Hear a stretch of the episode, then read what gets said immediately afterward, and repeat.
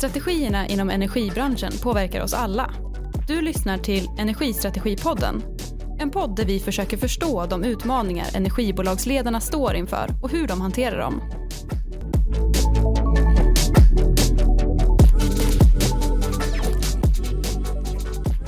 Hej och välkomna tillbaka till Energistrategipodden. Jag heter Niklas Sigholm och idag har vi ett spännande avsnitt framför oss. Jag sitter här med Mikael Hedström som är VD för Ragn-Sells Treatment och Detox och vi ska prata om det som blir kvar.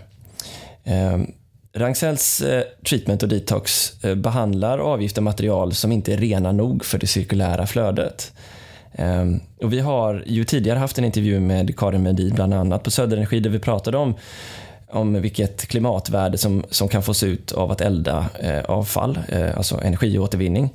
Eh, och då pratade vi bland annat om alternativet att deponera avfallet i andra länder, brottslighet kopplat till avfall eh, och hanteringen av avfall och farligt avfall. Eh, och det här ska vi lära oss mer om idag, tänkte jag, eh, om vad det är som blir kvar. Idag är det tyvärr så att vi använder resurser som motsvarar nästan två planeter och på något sätt behöver vi lösa det här Hoppas jag att vi kan i alla fall. Så varmt välkommen till podden Mikael. Tack så mycket. Du, eh, ja, vi börjar brett. Hur kom du in i energibranschen och, och landade här? Kan du ge oss lite bakgrund?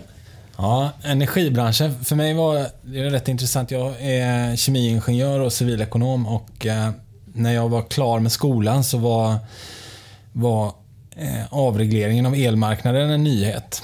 Eh, och då sökte jag mig till, tyckte det lät väldigt spännande, ville jobba med eh, elhandel, var min tanke.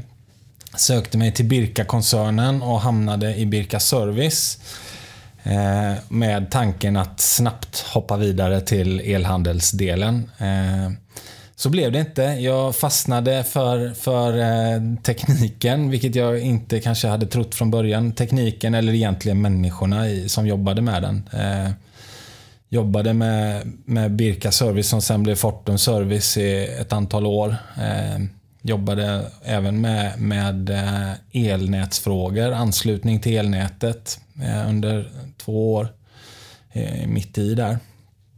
Och sen från eh, räkna årtalen här, ungefär 2009 så, så började jag på det som då var Fortum Värme och som idag är Stockholm Exergi. Då. Eh, och där har jag fått den fantastiska glädjen att jobba med, med två stora kraftvärmeprojekt. Så jag har varit platschef på de anläggningarna. Först uppe på, på nordvästra Brista 2 där vi byggde en, en avfallsförbränningsanläggning. Eh, och sen i Värtan där vi byggde världens största biokraftvärmeverk.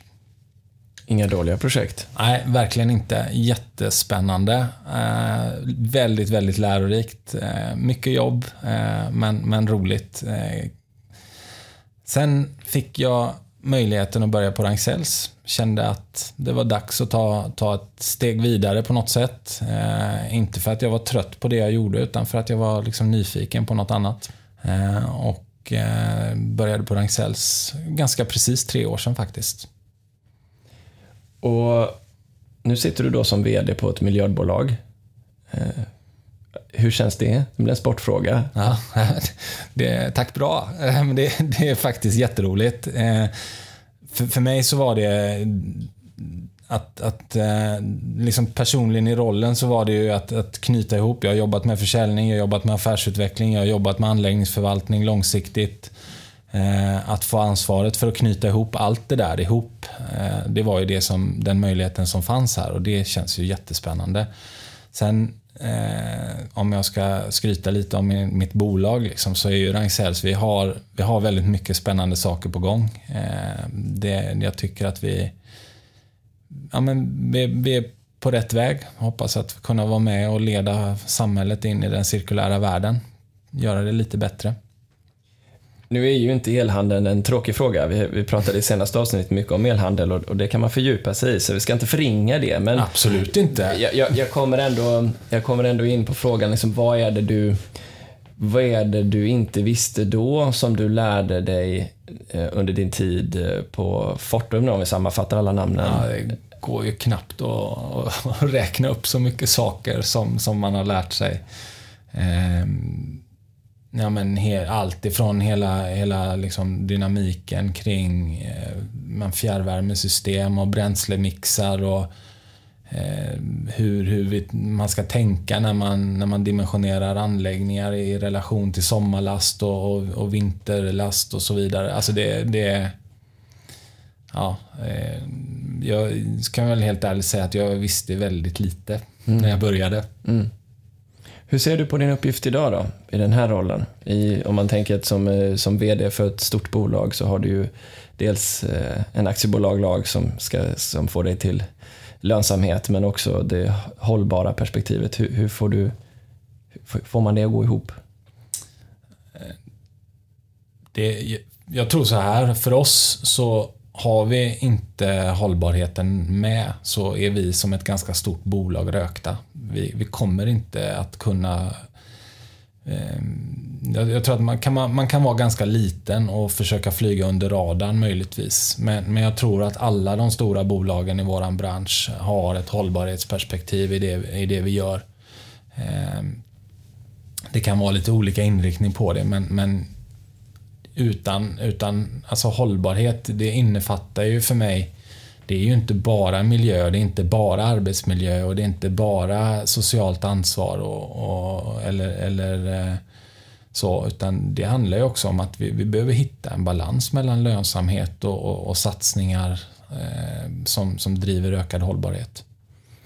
Hur eh, hur liksom, hur... hur... Och det, det, jag skulle säga, det, det, är ingen skillnad mellan, mellan Ragn-Sells eller, eller andra bolag, verkstadsbolag eller vad man nu liksom tittar på så, så har man det kravet på sig idag tror jag.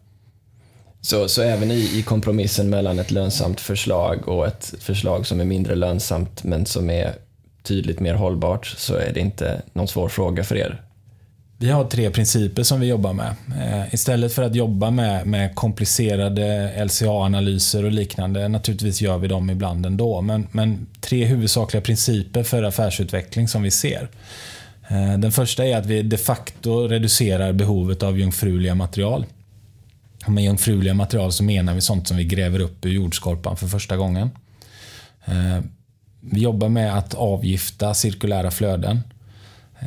Det ska inte vara det ska vara material som är ofarliga som skickas ut i samhället igen.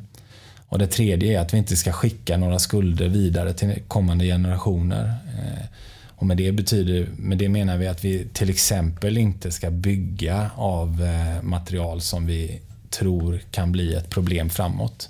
Det finns ganska många exempel där man har varit kreativ och byggt, eh, byggt, byggt till exempel torg på, på gammal aska och sen när man ska renovera det där torget så inser man att det här är faktiskt med dagens standard ett, eh, ett farligt avfall istället för en, en, eh, en konstruktion, vilket gör att man måste sanera alltihop. Jag tror att vi kommer säkert prata om alla de här tre områdena eh, idag.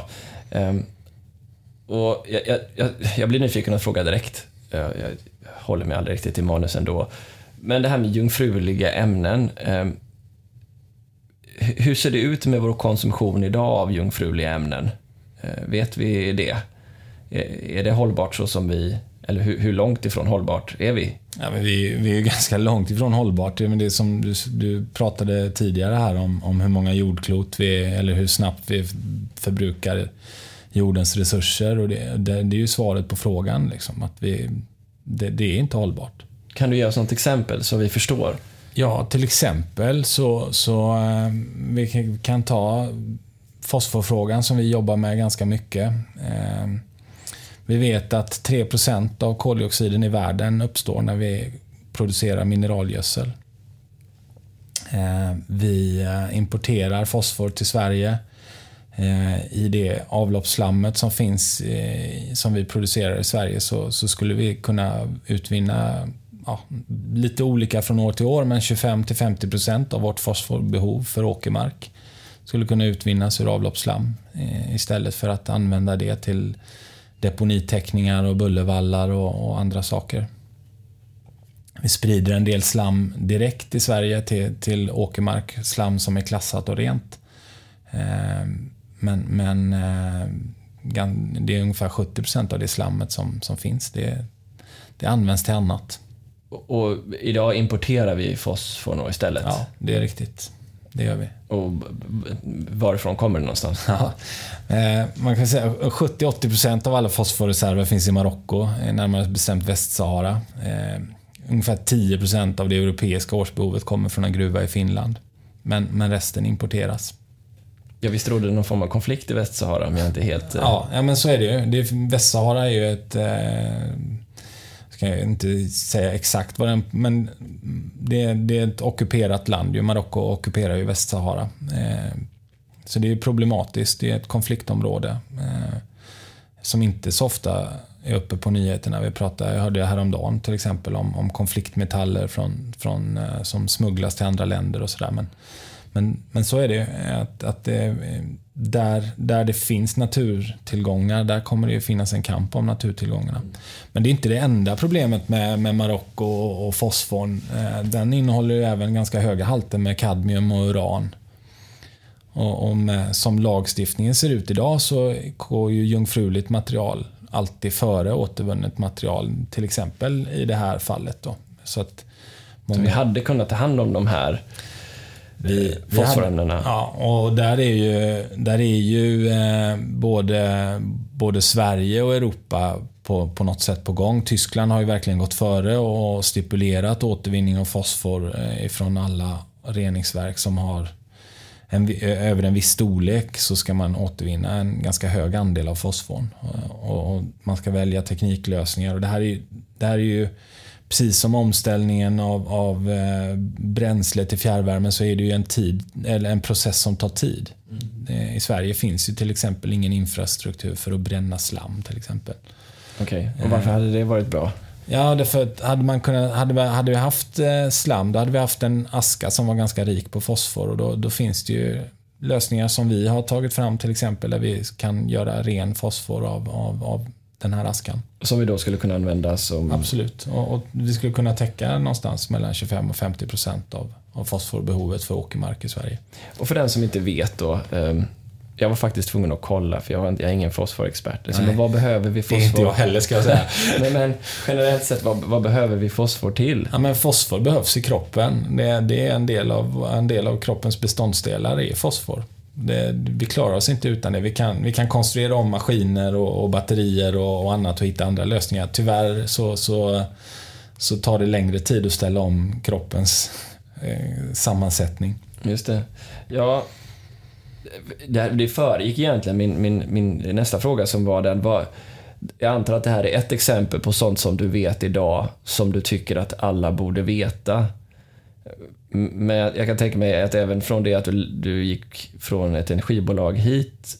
vad, vad, vad skulle du själv vilja ta som exempel där du tycker att gud om folk visste detta? Men då, då, skulle jag, då är det fosforfrågan faktiskt. Det är den största, liksom mest... Eh, den, den största insikten som har, har drabbat mig, så att säga, under den här tiden. Eh, sen är det ju inte den enda frågan, men, men den, är, den, den tror jag vi behöver lösa i Europa på ett sätt som, som inte eh, som vi inte gör idag. Eh, där, där länder som Tyskland går före och visar ledarskap. Och jag tror att det är det som krävs. Men varför ser det ut så här i, idag då? Va- Varför, varför, varför, varför, vad är det för mental modell vi jobbar efter? Ja, men, min, min uppfattning är ju att, att det, det är för att den, den gamla linjära modellen, den, det är den som härskar och det, det är så vår ekonomi är uppställd.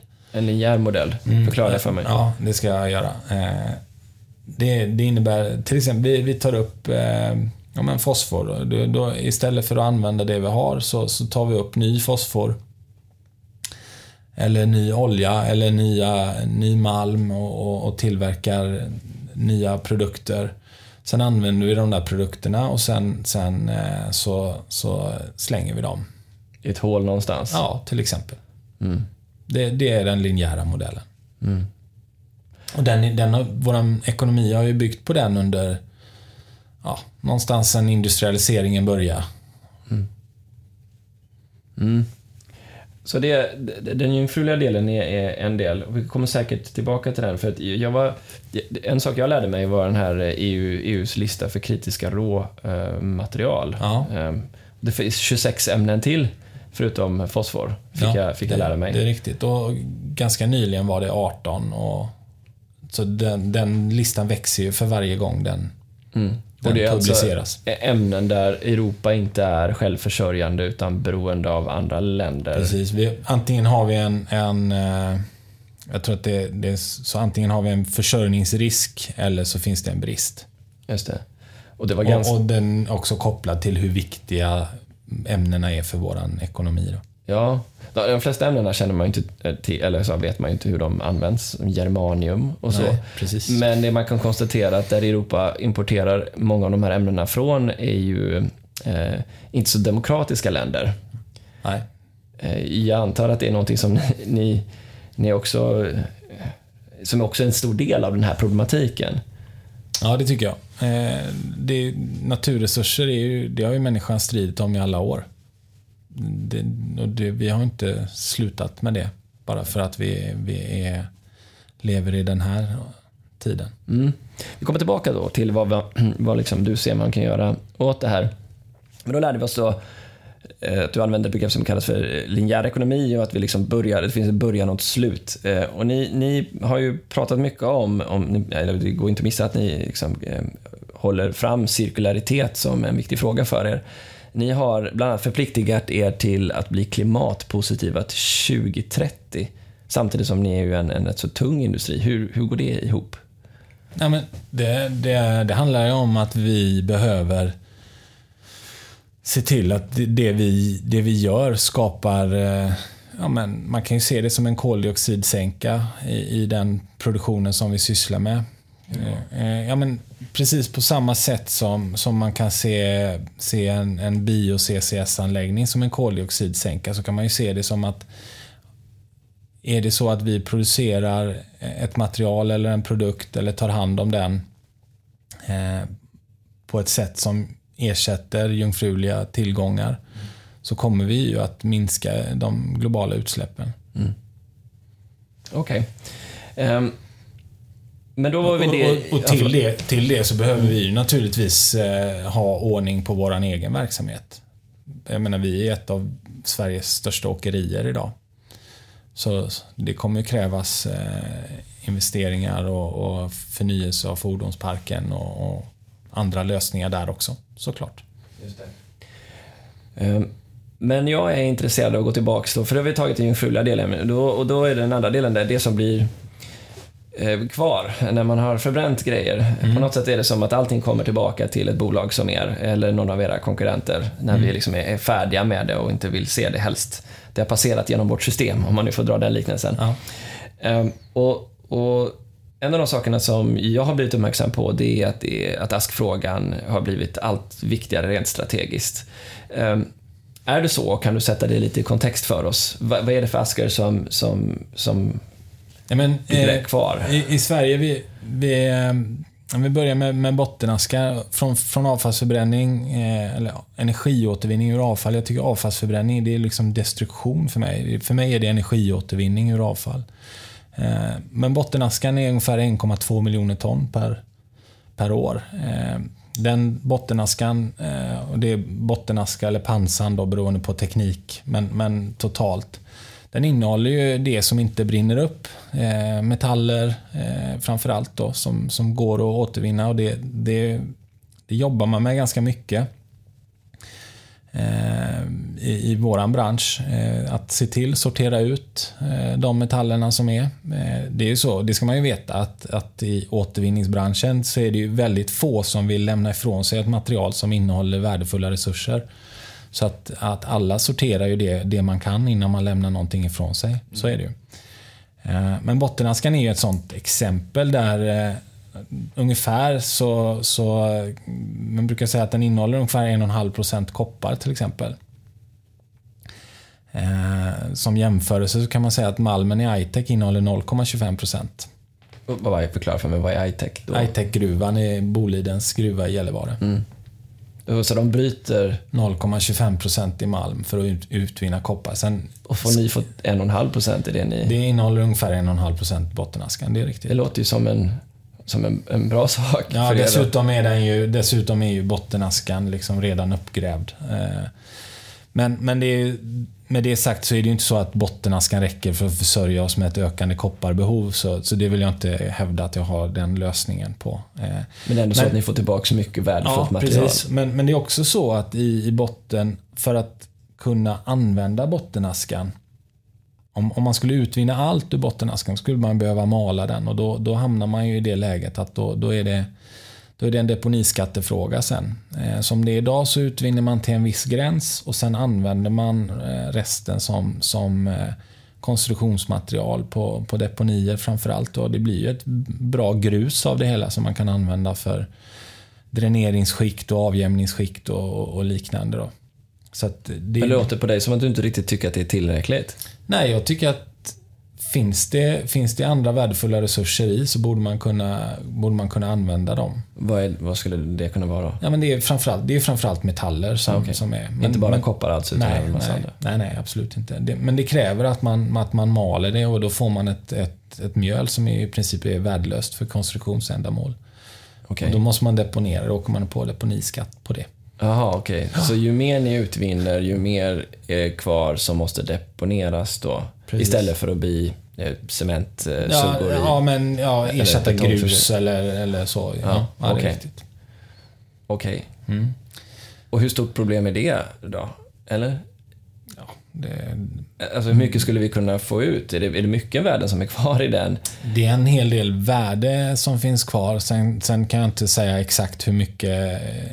eh, Jag menar, det- om vi, om vi är en och en halv procent av, av 1,2 miljoner ton, det, det räcker ju liksom inte för att, att fylla vårt kopparbehov till exempel.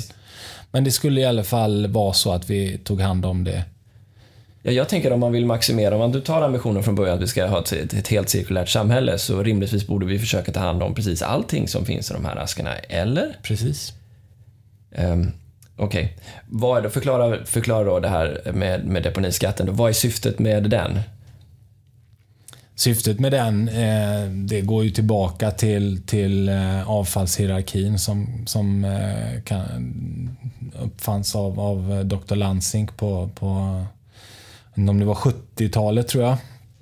Där, där man ser att ja, men första steget är ju att undvika att avfall uppstår. Och, och det är ju egentligen det vi pratar om när vi säger att vi ska minska vår konsumtion. Eh, Andra steget är ju att återanvända. Tredje steget är ju att, att eh, återvinna. Då, att eh, ja, men, ta isär och, och, och, och använda beståndsdelarna. Smälta ner aluminiumburken till exempel. Just det, det är det ni gör inom recycling, bland annat. Ja, ja men precis. Vi, Ja. vi finns i den kedjan i alla fall. Eh, och eh, sen, sen kommer man ju till energiåtervinning. Eh, och, och sist är ju deponi. Då. Så skatten är ju, är ju gjord för att styra bort ifrån deponi helt enkelt. Men det, den, den, den är inte helt modern som vi ser det. Den, den, styr, eh, den styr inte helt eh, den styr inte mot resursåtervinning nödvändigtvis, även om den styr bort från deponi. Okej. Är är det för att man då inte riktigt hade den cirkulära tanken i, i top of mind eller är det för att man då inte hade tekniken för att utvinna det här materialet? Jag tror att den cirkulära tanken inte fanns. Vi har ju ganska mycket diskussioner med Dr. Lansink eh, hos oss. Eh, och eh, Vi har bland annat en, en person som heter Dr. Graham Aid som jobbar på Ragn-Sells som, som tillsammans med, med Lansink har de, de sitter och tittar på en modell där man snarare skulle vilja jobba med en resurshierarki än en avfallshierarki. En resurshierarki. Ja, för att knyta ihop. Det här är ju ett arbete som inte alls är klart och det här är ju en debattfråga. Liksom. Det här behöver ju stötas. Det kan ju inte vara våran modell utan det här behöver ju liksom stötas och blötas av jättemånga. Men, men som fokuserar på återvinning av resurser och, och, och utvi- snarare än, än liksom avfallstrappan är ju mer av en kvittblivningsfråga skulle jag säga. Mm. Den, den liksom ser avfall som ett problem som ska bort och inte som en resurs. Bottenaska var det. Mm. Och sen så har vi flygaska också. Innan vi går in på flygaskan, vad- är skillnaden på bottenaska och flygaska för de som till äventyrs inte vet? Ja, bottenaskan är ju det som blir kvar i, i- i botten av pannan så att säga. Matas ut där. Det, det är lite tyngre fraktioner. Flygaska kan man ju säga är ju egentligen eh, inte ett helt korrekt begrepp utan det är rökgasreningsrest som är, är det, det är där, det är där man fångar liksom tungmetaller och, och andra saker i, i, i avfallsförbränningsanläggningarna. Det är det vi absolut inte vill ha kvar ute i samhället. Absolut, det är ju klassat som ett farligt avfall. Eh, den, bland annat så innehåller den tungmetaller men den innehåller också lite olika fraktioner, olika anläggningar, olika bränslen men ungefär 20% salter. Då, som gör att det också är ett farligt avfall. Man kan inte deponera det på en, en, eh, en normal deponi för att med, med lags, klorider, det, det lakas ju ut. Okay. Eh, och, då får man, ju, får man ju saltvatten i omgivningen till slut. Mm. Ehm, och det, hur, hur påverkar sådana ämnen naturen om de kommer ut? Det som finns i, i flygaskan? Ja, men, eh, om man tänker sig att det innehåller 20% klorider så blir det ju en salt miljö i, i omgivningen. Eh, dessutom så finns det ju lösliga tungmetaller i, i askan också som löses i vatten. Och det är inte, de, de vill vi inte ha ut i, i naturen. Eh, sättet som man hanterar det på idag, som vi, vi jobbar ju med den här frågan idag. Vi, vi har en specialbyggd deponi på Högbytorp som, där vi tar emot flygaska med en botten som är extra tät. Vilket gör att vi har, har dispenser för att ta emot flygaska med hög salthalt. Högbytorp är den här anläggningen som eh, även E.ON har, är en, en, del av, i alla fall området. Mm. Ni har byggt de, i, de är granne med oss på Högbytorp. Med, ja. Men ni har vissa kopplingar däremellan också? Absolut. Vi, vi, vi, vi har ganska mycket kopplingar med E.ON. Eh, vi är en bränsleleverantör till E.ON. Vi tar hand om deras askor. Eh, de har en, en, eh, en, lösning tillsammans med oss som innebär att de inte har några transporter alls på sina askor. Det, bottenaskan går med på, på transportband och flygaskan kommer gå i blåsledningar upp till oss mm. Eh, för att ta hand, tas om hand uppe på Högbytorp hos oss. Då. Och utöver det så, så ser vi så småningom så om vi kommer in på, på vårt Ashton-projekt så småningom så, så eh, kommer, kommer vi att ta energi från E.ON till, till att driva den anläggningen. Okej, okay, ja, men då, vi är ju där. Så vi, då kan vi prata. Ni gick ut i en, eh, i en, i en pressrelease och pratade om ert eh, avtal tillsammans med Hitachi Zosen. Mm. Jag vet inte hur man uttalar det, men jag hoppas att det var rätt ungefär. Berätta lite, vad är det för samhällsproblem som ni löser genom att bygga en ny anläggning som ska vara klar 2022? Mm. Vad är det här Ash to Salt för något? Ja, absolut. Eh, och, i, grunden så, så eh, jag menar, har vi hanterat flygaska med deponi så, så eh, det är så med deponier, de blir fulla eh, till slut. Eh, så är det också med våran deponi på Högbytorp. Vi har letat efter en, en för oss är det ju för oss är det en affär som vi, vi har men, men om man ska se det som ett, en samhällsfråga, så i flygaskan hamnar ju det är ju ett koncentrat av det som kommer in i, i avfallet som vi lämnar till, till avfallsförbränningsanläggningarna. Eh, därifrån så, så behöver man göra av flygaska ungefär 300 000 ton i Sverige. Det, det är mycket. Ja, det är mycket. 300 000 ton. Det är ja. svårt att föreställa sig. Ja. Ehm, det är många lastbilar antar jag? en, en, lastbil tar ungefär 40 ton då. Ja. En sån lastbil på, med flygaska. Så det blir ungefär 7500 lastbilar. Mm. Med riktigt dåliga grejer på? Ja, absolut. Men, men jag menar, det hanteras med bulkbilar och det är inte så att, att det åker på några öppna flak på något sätt. Utan det... Okej. Okay. Ja, det känns ju betryggande. Ja. Vad, är det ni, vad, är, vad är er ambition att, att lösa då? Nej, ambitionen att lösa är, är att se till att, hit, att vi har... Vår, ambi, vår ambition är att vi, vi, eh, vi ska erbjuda en lösning till marknaden där vi tar hand om askan. Vi, vi, gör, vi tvättar askan. Eh, det i sig är inget unikt. Det har man gjort. Eh, det gör man på olika ställen i världen. Och, och bland annat Hitachi Såsen Innova gör, bygger ju sådana här tvättanläggningar.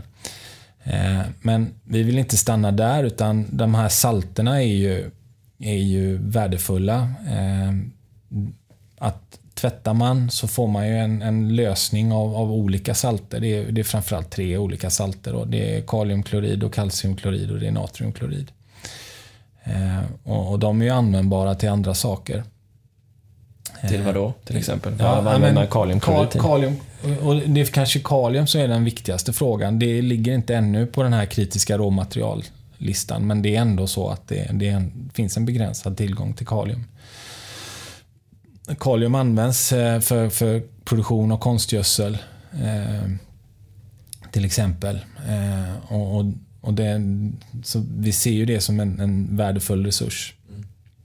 Natriumklorid används ju till mängder av olika saker. Ehm, kalciumklorid används framförallt till, till vägsalt, både för halkbekämpning och för dammbekämpning. Så att det, det är ju de, det är liksom det steget som vi går vidare. Att från att tvätta askan ren så att man kan använda den Antingen kan man deponera den på en deponi för icke-farligt avfall, alltså som, som är lite enklare att, att hantera. Eller så kan man, kan man eh, och det, det är förmodligen det som kommer att hända först, men vår ambition är absolut att den här, det här materialet ska användas. Det har egenskaper som liknar Portland-cement en hel del. Ursäkta, liknar... Portland-cement, alltså råvaran till cement. Ja.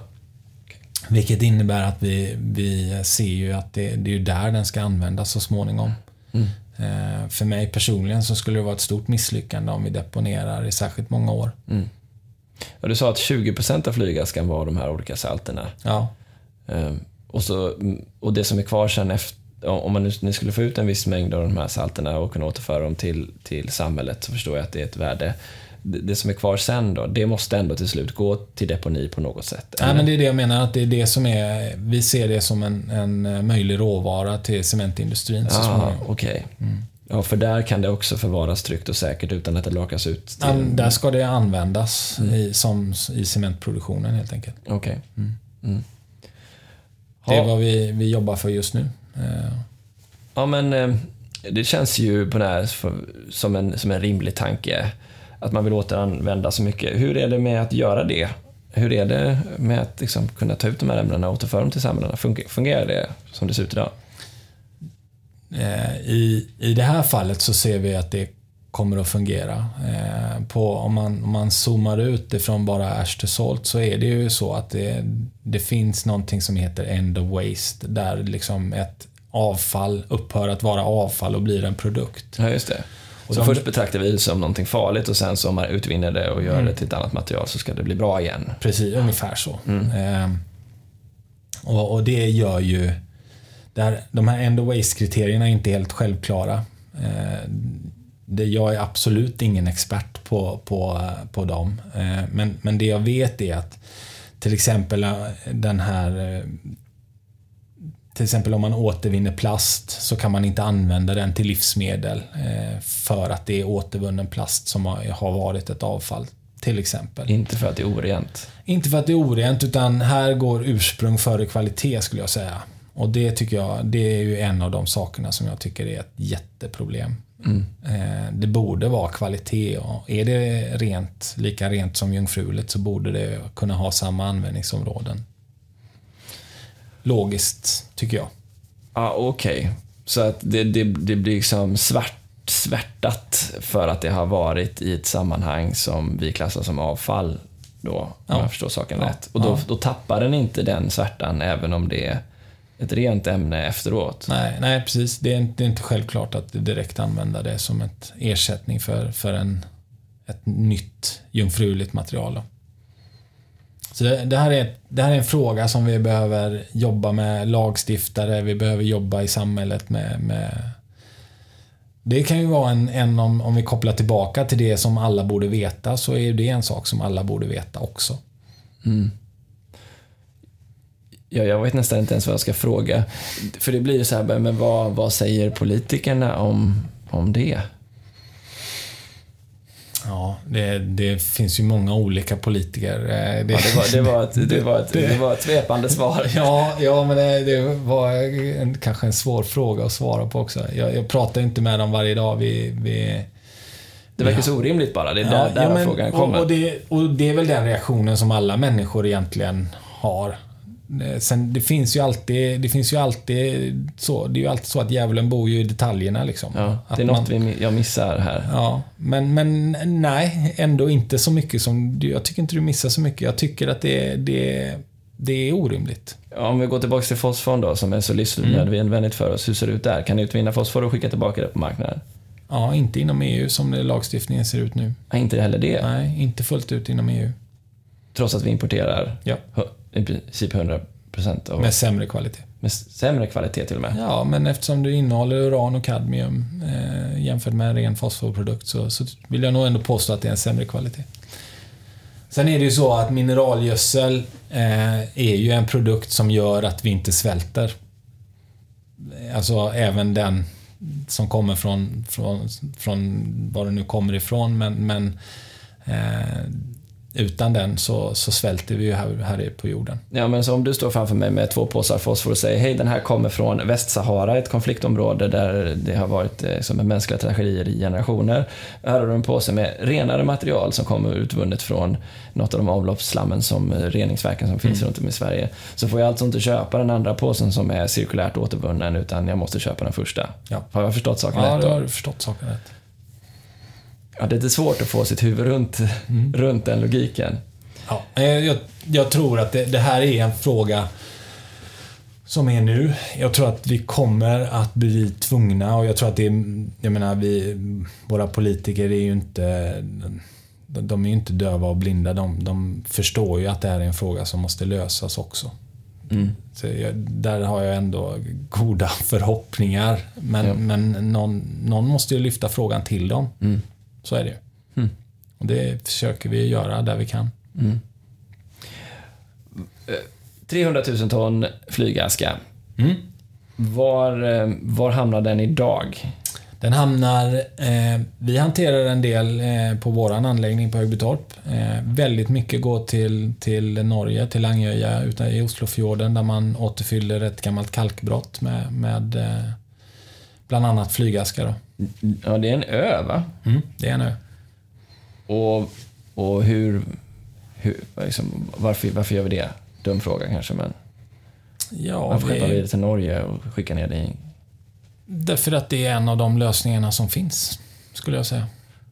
Okej. Ehm, Så hur mycket tog de emot? Så det 150 000 ton? Ja, svensk flygaska. Svensk flygaska? Ja, sen, Okej. Jag tror att de har en, en, en 300 000 ton totalt per år.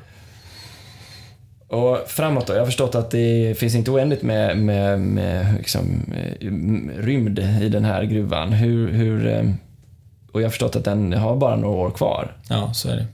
Ehm, Hur, hur, länge, hur länge kan vi använda det som ett alternativ för vart vi skeppar vårt Ja, farliga det, avfall? för, men det måste ju Noah svara på egentligen, men, men det de kommunicerar eh, utåt är att eh, tillståndet tar slut 2026, men det är fullt någon gång 2024. Och det pågår ju en jättestor debatt i Norge kring, kring deponi för farligt avfall. Ja, det, jag antar att det inte är en enkel fråga där heller. Såklart inte. Men då, då, då får jag ställa den hypotetiska frågan här. Eh, Okej, så vi spolar fram till 2024 och det är stopp. Eh, och av någon anledning så kan vi inte skicka mer dit. Vad gör vi då?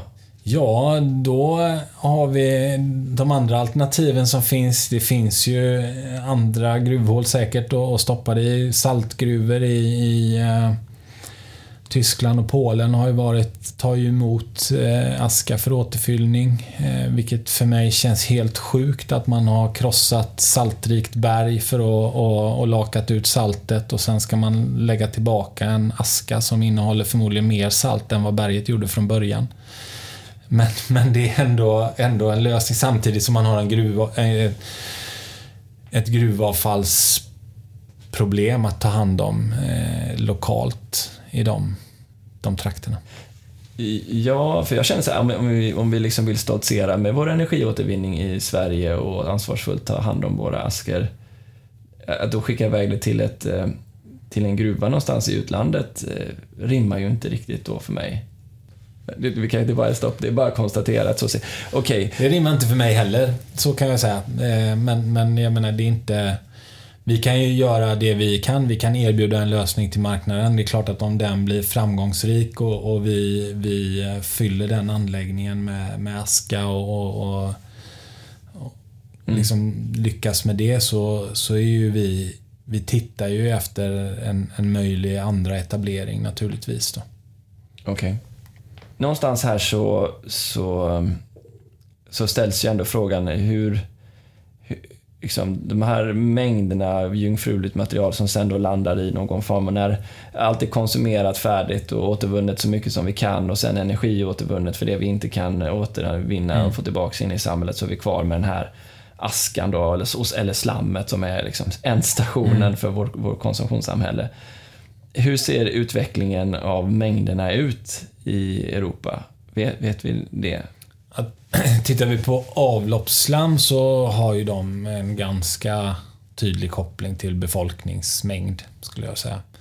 Eh, när det gäller energiåtervinning från avfall så är ju det, men, i Sverige så, så eh, står ju det för en, en signifikant del av, av eh, fjärrvärmeenergin så att säga. Eh, och eh, jag tror att, att eh, om jag lyssnar på våra, våra liksom, kunder och vad jag läser, är jag ju fortfarande intresserad av, av energibranschen. Mm. Eh, så, så är det ju inte så att nya anläggningar planeras eh, eller så här ska jag säga att fortfarande planeras det väldigt många nya anläggningar med avfall som bränsle.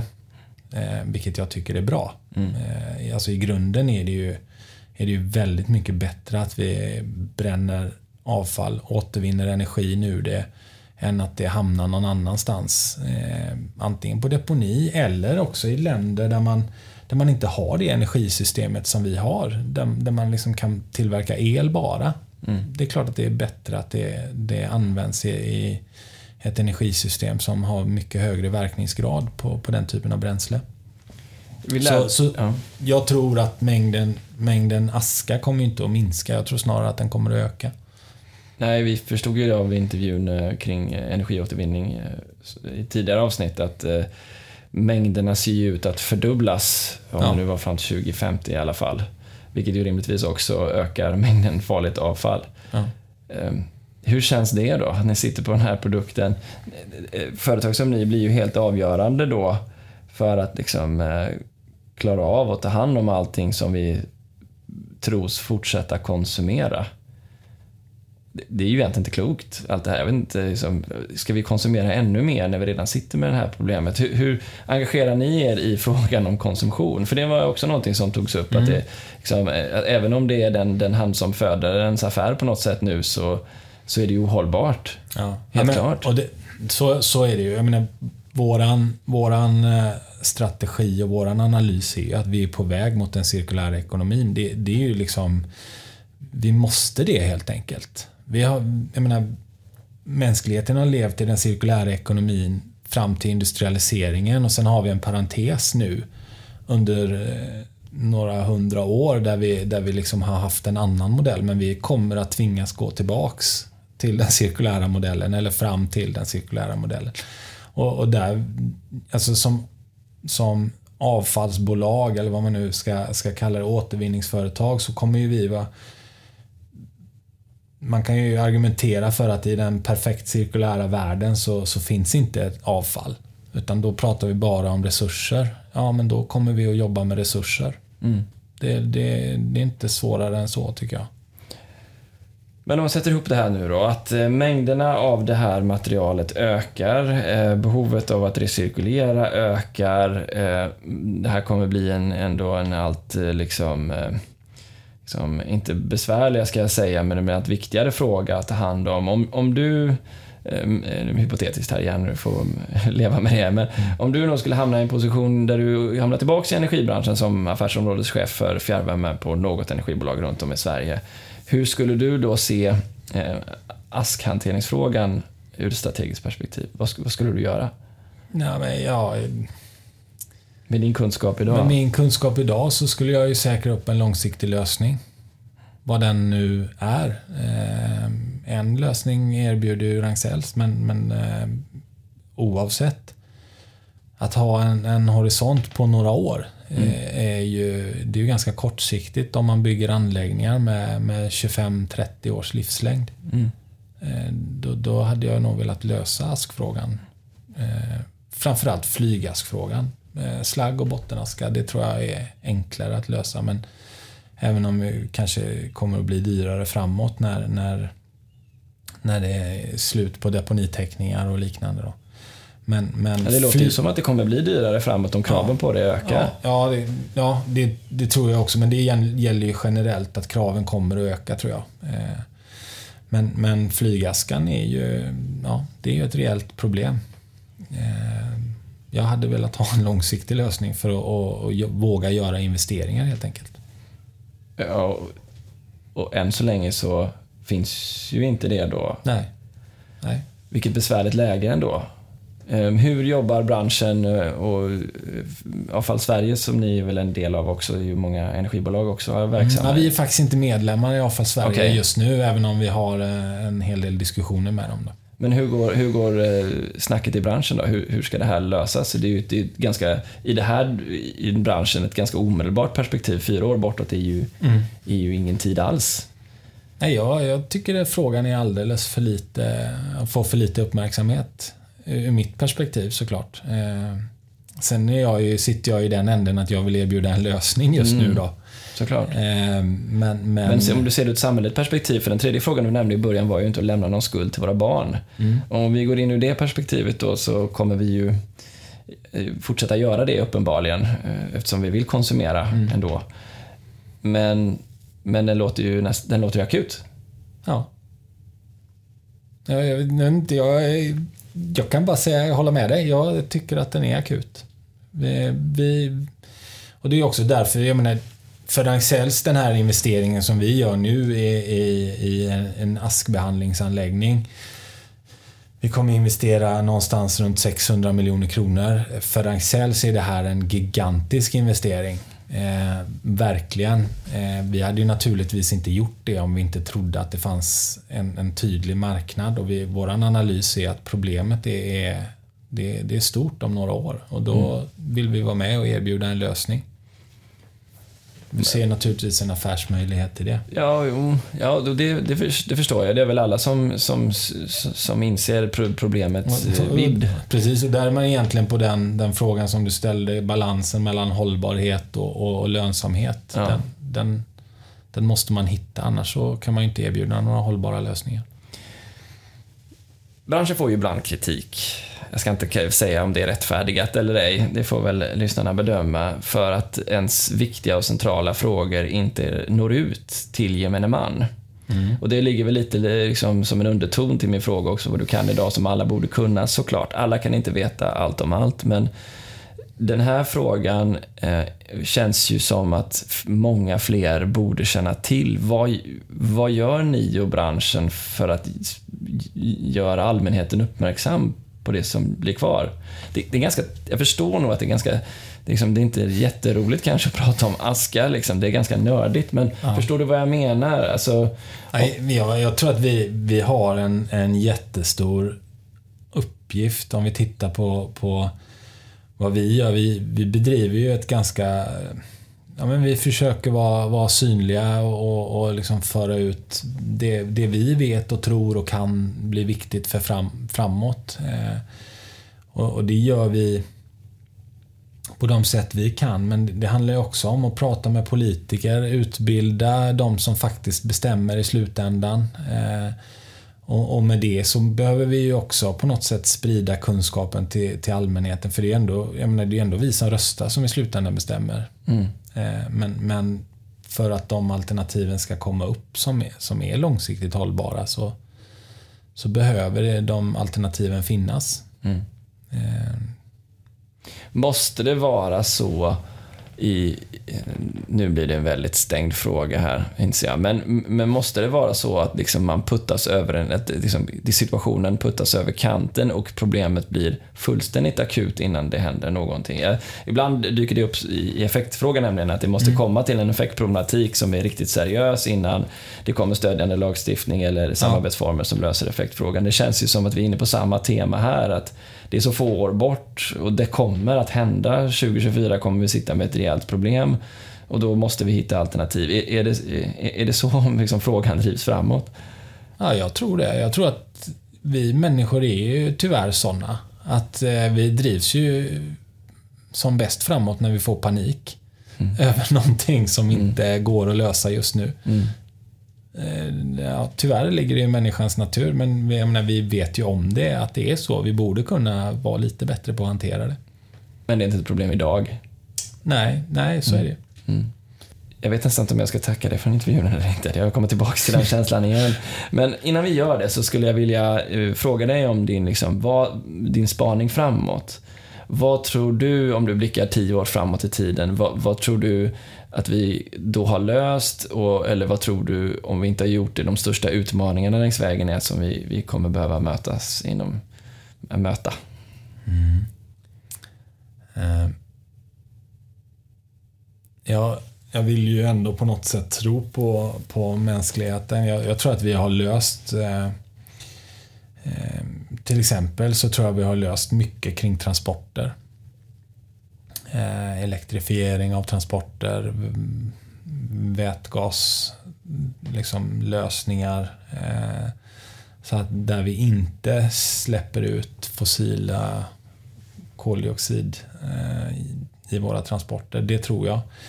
Jag tror att vi har eh, kommit en bit på vägen när det gäller den cirkulära ekonomin. Jag tror att vi, när det gäller koldioxid så är det ju Liksom, om man ser till 2050-målet och budgeten på, på, för att nå 1,5 graders målet så, så innebär ju det med dagens prognoser att vi måste vara negativa från ja, någonstans 2040 eller något liknande. Ehm, jag tror att vi har en annan insikt. Jag tror att våra barn är klokare än vad vi är. Liksom vi kanske är klokare i den här frågan än vad våra föräldrar var. Men det var kanske inte svar på exakt vad vi har löst, men, men jag, jag tror att det, det, det, är inte så lätt att överblicka utveckling framåt. Mm. Hör du, eh, Mikael, eh, jag säger ändå tack så hemskt mycket. Det var väldigt lärorikt och intressant. Eh, Tack så mycket för att ni har varit med i eh, Energistrategipodden och eh, ha en fortsatt trevlig sommar. Tack så mycket. Är du intresserad av extra material eller visualiseringar från intervjun så hittar du dem på sigholm.se academy. Har du vidare frågor eller funderingar kan du alltid höra av dig till oss på info.sigholm.se.